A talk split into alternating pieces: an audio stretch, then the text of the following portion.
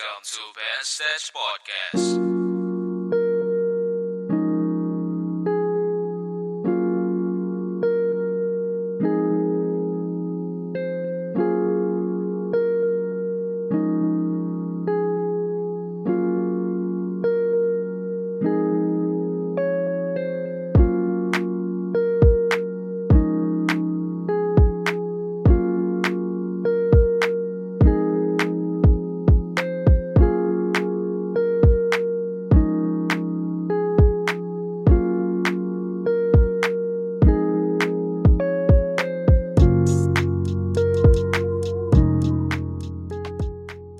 Hikmah dari sebuah kegagalan biasanya muncul ketika kita sudah tidak terlalu bersedih dengan kegagalan tersebut.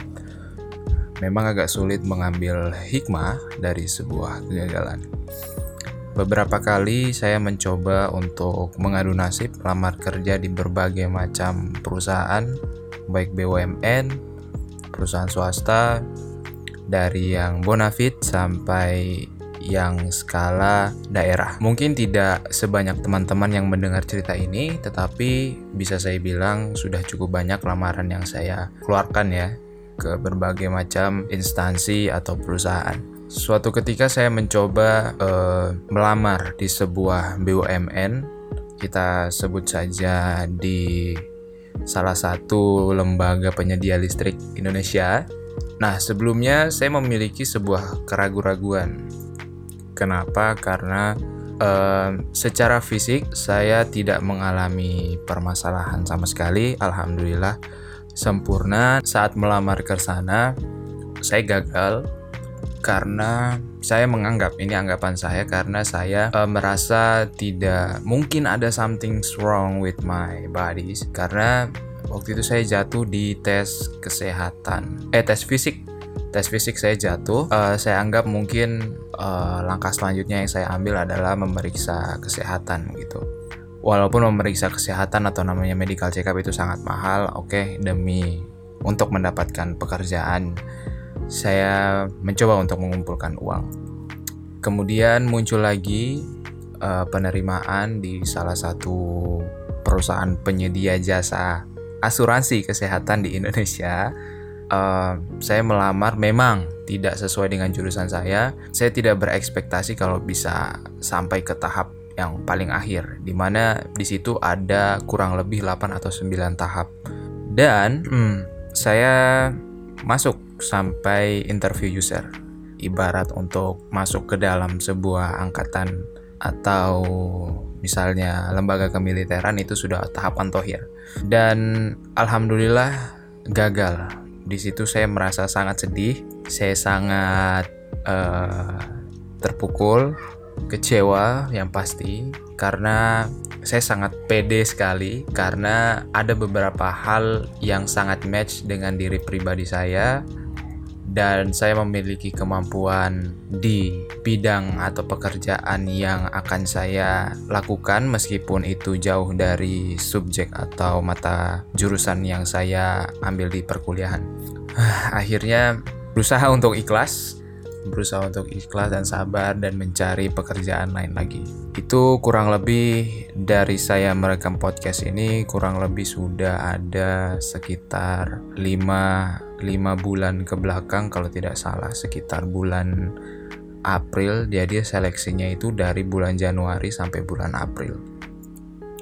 9 tahap dalam 3 bulan itu cukup menguras tenaga dan cukup menguras biaya juga.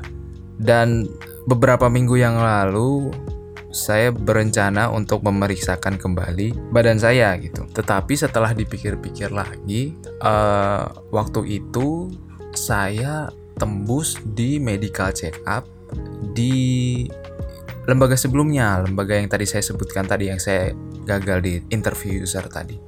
Nah, saya pikir itu adalah sebuah hikmah, salah satu hikmah di mana Allah menginginkan sesuatu barangkali bukan untuk menyelesaikan masalah yang ingin kita selesaikan, tetapi mungkin uh, menjadi sebuah alasan untuk menguatkan kita. Karena jujur saja, akibat dari gagalnya saya di tes pertama kali itu saya pikir bukan tes pertama kali ya maksudnya tes yang uh, lembaga listrik tadi itu bisa dikatakan seperti itu um, saya menjadi ragu gitu. Makanya saya memilih untuk um, mengambil medical check up dan ternyata Allah memberikan jawabannya itu di ini di tes rekrutmen lembaga asuransi kesehatan tadi. Dan itu nggak macam-macam. Maksudnya tes untuk medical check upnya itu saya yakin nggak nggak nggak ratusan ribu. Itu pasti jutaan. Karena itu tesnya lebih lengkap itu mulai dari tes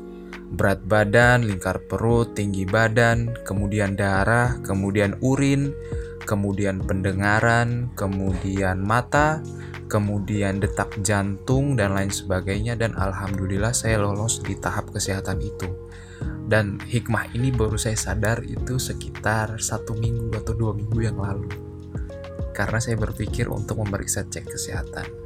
Dan alhamdulillah terima kasih uh, saya menjadi semangat lagi. Maksudnya saya menjadi semangat bahwa keraguan-raguan saya selama ini tuh ternyata Allah buktikan salah. Kemudian um, apa yang mungkin kita impikan, yang kita harap Allah balas, bisa jadi hal-hal yang memang apa ya mendasari ke keinginan kita itulah yang akan dibereskan terlebih dahulu. Dan men rasanya itu kalau rasanya ya saya merasa kayak misalnya orang yang punya penyakit dia kan otomatis takut. Karena menduga masih menduga-duga gitu ya masih menduga-duga sehingga takut. Tetapi bagaimana orang yang sudah terfonis dan dia berharap untuk menjadi sehat nah itu saya bersyukurnya di situ sih. Dan alhamdulillah Allah memberikan jawabannya